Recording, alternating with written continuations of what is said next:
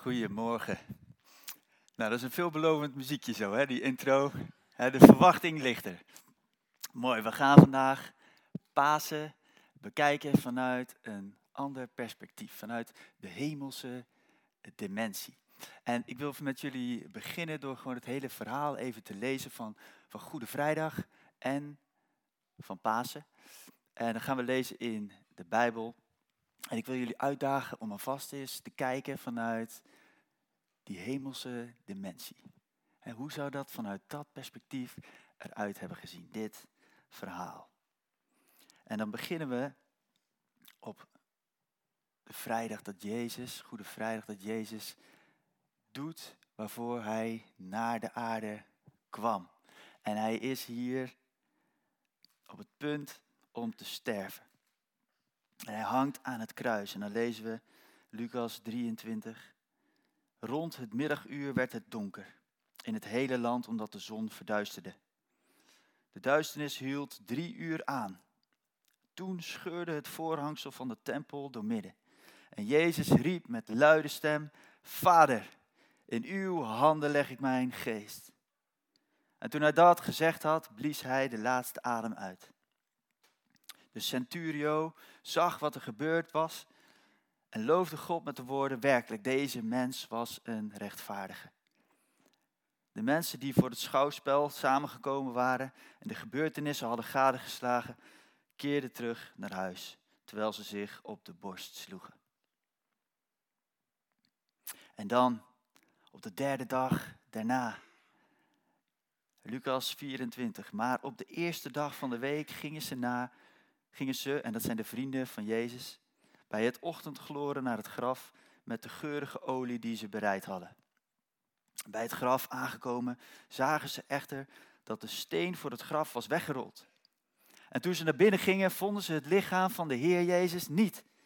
En hierdoor raakten ze helemaal van streek. Plotseling stonden er twee mannen in stralende gewaden bij hen.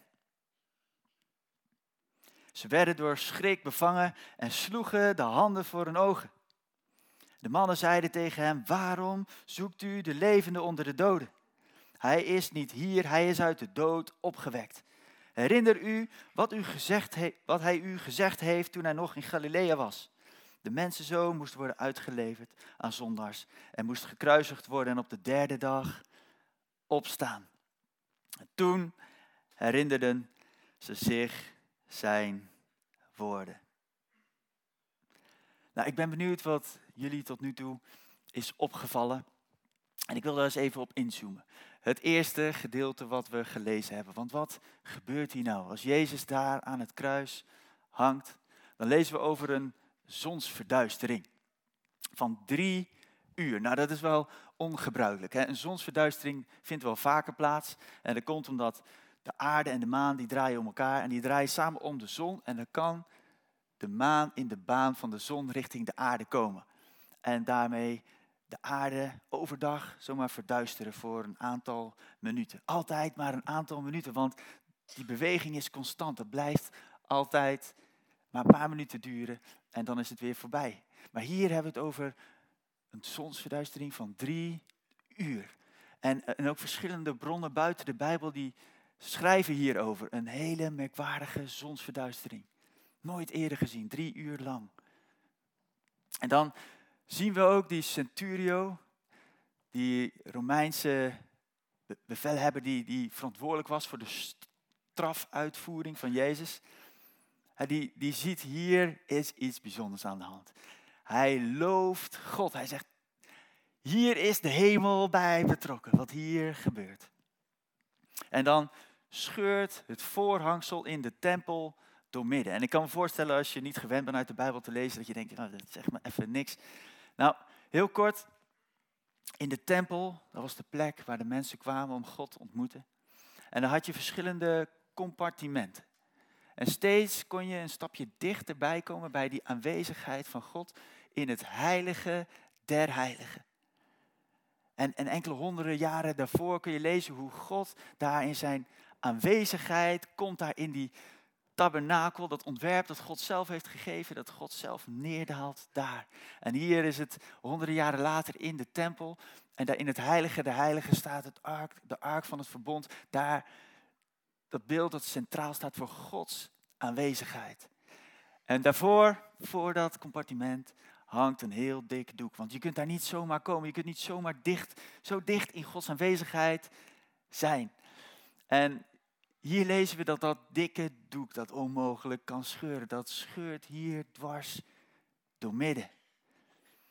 Ja, wat, wat, wat zijn we nou eigenlijk aan het lezen als we dit lezen? Nou, ik geloof, we zitten hier midden in uur U. Het grote moment van de allergrootste missie aller tijden. Een operatie nog nooit zo groot geweest, de operatie mensheid. God daalt neer naar de aarde. En dan vieren we met kerst en met Pasen. Dan vieren we dat Jezus doet wat hij kwam doen hier op aarde. Hij staat op het punt om zijn missie te voltooien. En ik kan me zo voorstellen als ik dat bezie vanuit de hemel.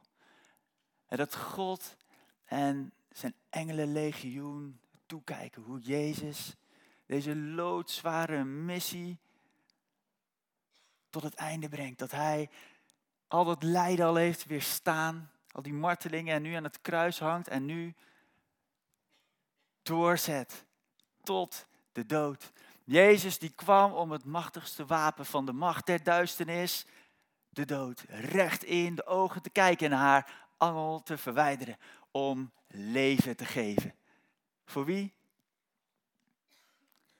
Operatie mensheid. En ik denk dat het voor ons mensen vaak moeilijk is om de diepte daarvan, de grootheid daarvan te vatten in woorden, om dat volledig te doorgronden. En, en ik zie ook in mijn eigen leven dat het soms moeilijk is. En waar ik vaak aan refereer is dingen die ik, die ik ken, die dichterbij zijn. En zo voor mezelf, toen ik hierover nadacht, dacht ik aan een missie die ik zelf ooit heb gedaan. Heel, veel, veel klein, kleiner niveau, maar wel iets wat ik in ieder geval kan vatten. En dat is een missie naar Afghanistan. Het is inmiddels 15 jaar geleden en daar zie je mij eh, staan zo met die zonnebril uh, omhoog. Uh, nog steeds een mooie, dezelfde kapsel heb ik behouden. En misschien hebben sommigen van jullie de documentaire reeks gezien in de afgelopen weken van Sembla over die oorlog in Afghanistan. Dat we daar naartoe gingen met het idee, we gaan daar putten graven en scholen bouwen om de mensen te helpen. Maar we kwamen daar terecht midden in de oorlog. En ik ging er ook met dat idee naartoe. We gaan daar de mensen helpen. En, en zo gingen we dan op voetpatrouille. En dat zag er zo uit. Dit is vlak voor zo'n moment. Om de bevolking te ontmoeten. En dit was vlak voor de allereerste voetpatrouille die we gingen doen. En het zag een beetje zo uit. Je had een, een, kamp Holland en dan een vooruitgeschoven post. En vanuit die post, dat was midden tussen de bevolking op een hoge berg, liepen we dan naar beneden om de mensen daar te spreken met tolken. En dan gingen we in gesprek over hoe we ze zouden kunnen helpen. En zo liepen we daar op onze allereerste voetpatrouille. En we waren enkele honderden meters van die post vandaan. Toen we ineens een paar felle schelle knallen hoorde. En ik weet nog dat ik dacht, ik keek om me heen, ik denk, heeft nou iemand per ongeluk zijn wapen laten afgaan? dat is zo ongeveer de grootste blunder die je kunt maken als militair. En in de opleiding gebeurt dat nog wel eens, maar je kunt je bijna niet voorstellen. En in een split second besef je, nee, we worden beschoten. Dus alle procedures die traden in werking en we gingen afbreken snel naar een dekking toe. En we staan er met de rug tegen de dekking en we zien hoe de verschillende inslagen om ons heen zijn. En we beseffen, dit is oorlog, dit is echt. We worden beschoten en gelukkig kwamen we er snel achter, er was niemand gewond geraakt. En terwijl we daar staan en we de inslagen om ons heen zien, gaat één vraag door je hoofd. Hoe gaan we hier allemaal levend uitkomen? En daar ga ik zo meteen verder over vertellen. Maar even van die missie in Afghanistan terug naar deze veel grotere operatie mensheid. En waar wij achter de dekking stonden om een plan te bedenken voor hoe we allemaal hier levend uit zouden kunnen komen, is daar Jezus. Die voor de voltooiing van zijn missie juist moest sterven. Juist zijn leven moest geven. En Jezus die zoveel groter dacht, zoveel verder keek dan alleen het hier en nu. Jezus die zag iets veel groters dan, dan wij van het menselijk perspectief ooit kunnen zien. En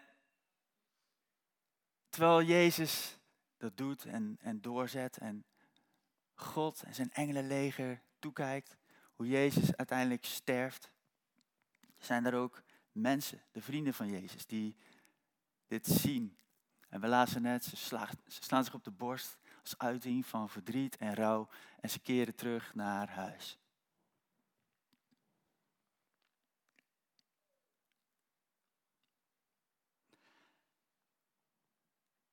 En op de derde dag daarna zijn ze nog aan het rouwen. Ze zijn hun Jezus, hun meester, zijn ze verloren.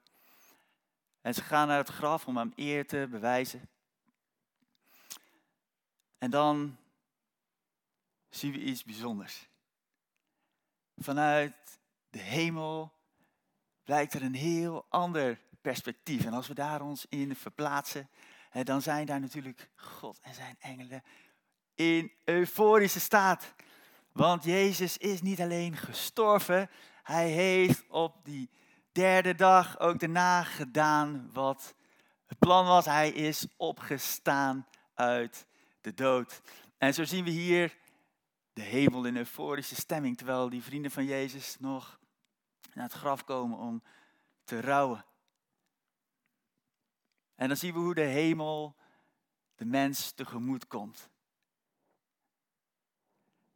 En dat die engelen vragen, wat zoeken jullie de levenden onder de doden?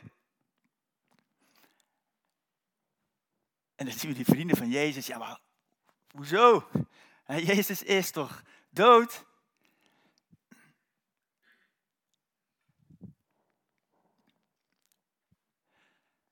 En dan is er een boodschap uit de hemel nodig om de mens te herinneren aan dat wat Jezus al gezegd had. Weet je nog dat Jezus had gezegd dat hij moest sterven en lijden en dat hij op de derde dag zou opstaan? En toen herinnerde ze zich wat Jezus gezegd had. En ik moet eerlijk zeggen, als ik dat lees, denk ik, hoe kun je dat nou missen? Hoe kun je dat nou niet herinneren? Dat, dat lijkt me toch best cruciale informatie. Dat Jezus, jouw leider, jouw meester, dan tegen je zegt: Jongens, dit en dit staat er te gebeuren. Ik zal moeten lijden, ik zal moeten sterven. Maar ik ga op de derde dag opstaan uit de dood. En dat er niemand is die dat zich herinnert. He, behoorlijk cruciale informatie. En, en hoe kan je dat missen? En waar ik, waar ik dan over nadenk is, die leerlingen van Jezus, die stonden natuurlijk onder gigantische druk. Hun, meester, die is dood. En ik kan me voorstellen dat ze zelf ook voor hun leven vreesden. dat geluid van Jezus moest uitgedoofd worden. En ja, wat doe je dan als je zo enorm onder druk staat? hoe moet je daar dan mee omgaan? Ik kan me nog heel goed een, een oefening herinneren. Een beruchte oefening, dat was de zwembadoefening. Even kort uitgelegd, met een groep van acht um, moest je in een overal en kisten een zwaar vest om en handboeien op de rug. En dan in een zwembad springen van drie meter diep. En er was er één van de acht, die kreeg een duikbril, die was geblindeerd. En die moest dan het sleuteltje op het diepe van het zwembad opduiken om de rest te bevrijden. En, en die oefening die was bedoeld om te kijken hoe ga je nou om met enorme stress en druk. En, en wat, wat voor reacties krijg je dan? En dan waren er van die trucjes bedacht om te zorgen dat, je, uh, dat de, de, stress een beetje toenam. Uh, hadden ze een krantenknipsel waarop ze lieten zien militairen bijna verdronken bij zwembadoefening. Uh, dus wees scherp, jongens. Alsof je daar dan iets mee kan. Uh, en, en dan hadden ze een aantal van die trucjes. Eentje is te mooi om, om niet te zeggen. Dan, die instructeurs die waren er zo goed in, die, die zeiden dan van, is er iemand die echt niet goed kan zwemmen? En dan, dan voel je wel aan, hè, dit is een list. Dit moet je, niet, je moet niet je vinger opsteken. Maar je weet, er is altijd iemand die denkt, oh, maar misschien kom ik hier wel onderuit. En die steekt dan zijn hand op, oké, jij gaat de sleutel opduiken. Dus heel die groep weet van, oh, de slechtste zwemmer is die sleutel aan het opduiken. Dit wordt echt een ramp. En het idee van die oefening is, hoe ga je om met die enorme druk en stress als je niet weet wat het gaat worden? Geef je op, ga je door? Wat komt er in je vrij? En wat zien we bij die vrienden van Jezus? Is, ze hadden zich niet herinnerd wat Jezus had gezegd, maar wat ze wel doen is ze komen samen. En wat we lezen vaak als die discipelen van Jezus samenkwamen, dan kwamen ze samen om te bidden. En ook doen ze dat was, wat misschien heel, heel spannend was op dat moment. Ze bezochten toch Jezus graf. Ze gingen toch naar Jezus toe. En hoe is dat voor jou als de druk toeneemt in je leven? Als je echt een flinke tegenslag te verwerken hebt. Als je even niet weet waar je het zoeken moet. Als je voor je gevoel watertrappelend eigenlijk net niet genoeg lucht kan krijgen. Als het slecht gaat met je. Als je niet weet waar je het moet zoeken, wat is dan jouw reflex?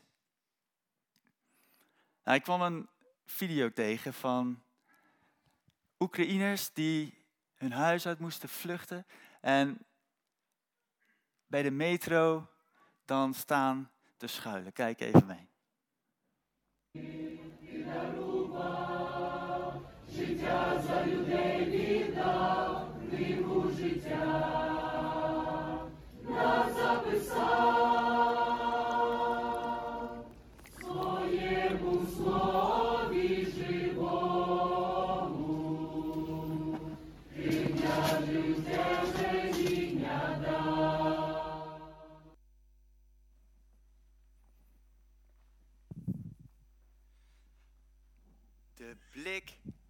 Omhoog als het echt tegenzit. Ik vind dat een indrukwekkend voorbeeld.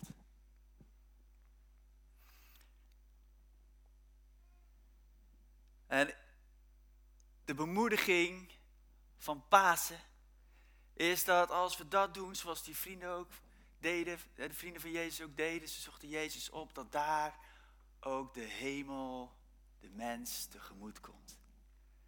De bemoediging van Pasen is, je hoeft het leven niet alleen te doen. De hemel komt te hulp. Je staat er niet alleen voor. En dat geldt ook voor jou hier vandaag de dag. Dat is wat we gedenken vandaag. Jezus en hij stond op. Hij zette door in die loodzware missie, die operatie mensheid, om de weg vrij te maken voor jou naar God. Dat voorhangsel scheurde niet zomaar. Nee, God opende de weg naar Gods aanwezigheid. En die weg is open voor jou en mij vandaag de dag. En even terug naar Afghanistan. Wat je op deze foto, de foto net, hier kon zien, is dat er zo'n grote antenne over mijn schouders hing. Daar zie je hem. En dat was omdat uh, er waren mensen die, die konden heel goed schieten, die werden sniper. Er waren mensen die waren heel sterk, die kregen heel veel bagage. En als je dan uh, wat beter kon praten, dan werd je de radioman. En uh, nou goed, je raadt het al. Dus ik, ik kreeg zo'n radio mee. En dat viel niet mee. Je moest best wel veel weten aan codewoorden en, en militairen zijn enorm van de afkortingen en zo. En er was een enorme discipline, want goede communicatie is natuurlijk cruciaal voor militairen, zeker in een oorlogsgebied. Dus je moest allerlei codewoorden kennen en er was ongeveer één zinnetje, dat was toch wel, dat was toch wel het ultieme zinnetje. Als je dat eens kon zeggen. En dat was het zinnetje contact, wacht uit. En contact betekent, er is een vuurgevecht. En wacht uit betekent, iedereen moet helemaal stil zijn op het net. Want er komt zometeen een CITRAP, situatierapport, van de hoogste in rang. En die gaat vertellen hoe het ervoor staat en wat er moet gebeuren. En dan was het helemaal stil. En terwijl we daar dus op die voetpatrouille lopen en we die schoten horen, we snel naar de dekking toe rennen, dan mag ik dat zinnetje zeggen. Het komt bijna niet voor. En dus ik roep dat zinnetje en het is helemaal stil. Net iedereen wacht en de, groot, de hoogste commandant op de basis, die wordt erbij gehaald, want er gaat zo meteen een sheetrap komen van de luitenant. En terwijl we daar met z'n allen staan in die dekking, komen we erachter, er zijn gelukkig geen gewonden en de sheetrap komt. We hebben, we hebben geen gewonden en het vuur komt daar en daar vandaan. En binnen eigenlijk enkele ogenblikken in mijn herinnering horen we daar een helikopter aankomen. die hingen in die tijd al veel in de lucht. En kwam er versterking van boven. Wat een opluchting. En wat bekend was, is dat zodra dat geluid ook maar te horen was, dan was de vijand al lang weg. want die waren dan kansloos. En zo konden wij veilig weer afbreken terug naar die vooruitgeschoven post. Om bij te komen van die schrik. En gelukkig is het allemaal goed afgelopen. En vanmorgen wil ik een klein beetje die rol van radioman spelen hier. En ik wil je zeggen, ik kan die verbinding niet voor je maken, die verbinding naar boven. Maar ik kan je wel zeggen, er is versterking van boven. Voor jou in dit leven hier op aarde. En vanmorgen, mijn boodschap is voor jou. Als jij ooit het idee hebt dat je er alleen voor staat, weet, er is versterking van boven. En ik kan niet de verbinding voor je maken als radioman, maar ik kan je wel vertellen, de lijn is vrij. Je kunt zenden en er is iemand die ontvangt. Vandaag is de boodschap dat Jezus de weg heeft vrijgemaakt voor jou. En als jij hier zit en dat verlangen hebt en zegt van ik, ik wil dat ook, dan gaan we zo meteen bidden. Dan kun je dat meebidden voor jezelf, in je hart. Maar ik wil je ook uitdagen, wij hier bij Stadskerk verlangen daarna mensen te helpen in die zoektocht naar God. En als je dat verlangen ook hebt, dan kun je je opgeven voor de challenge. Vijf avonden waarop we samen op zoek gaan naar God. En Nick gaat zo meteen vertellen hoe je daarvoor kan opgeven. En dan wil ik graag samen met jullie een moment bidden. En als dit voor jou is dat je zegt ja, ik wil die verbinding met God zoeken, dan daag ik je uit om in je hart mee te bidden.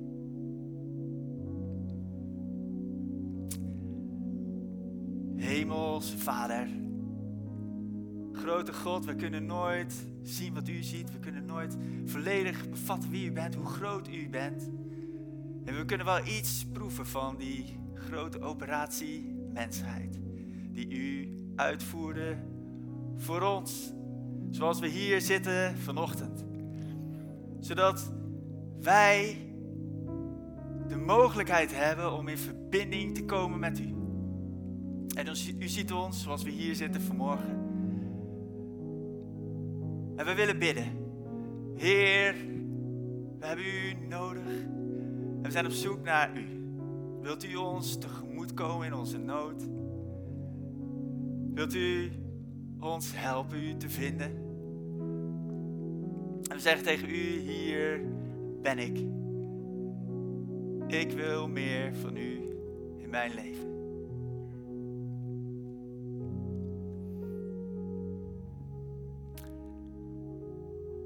Dank u wel, Heer Jezus, dat u leeft. Dat u bent opgestaan. Dat u operatie mensheid heeft volbracht voor ons. Amen.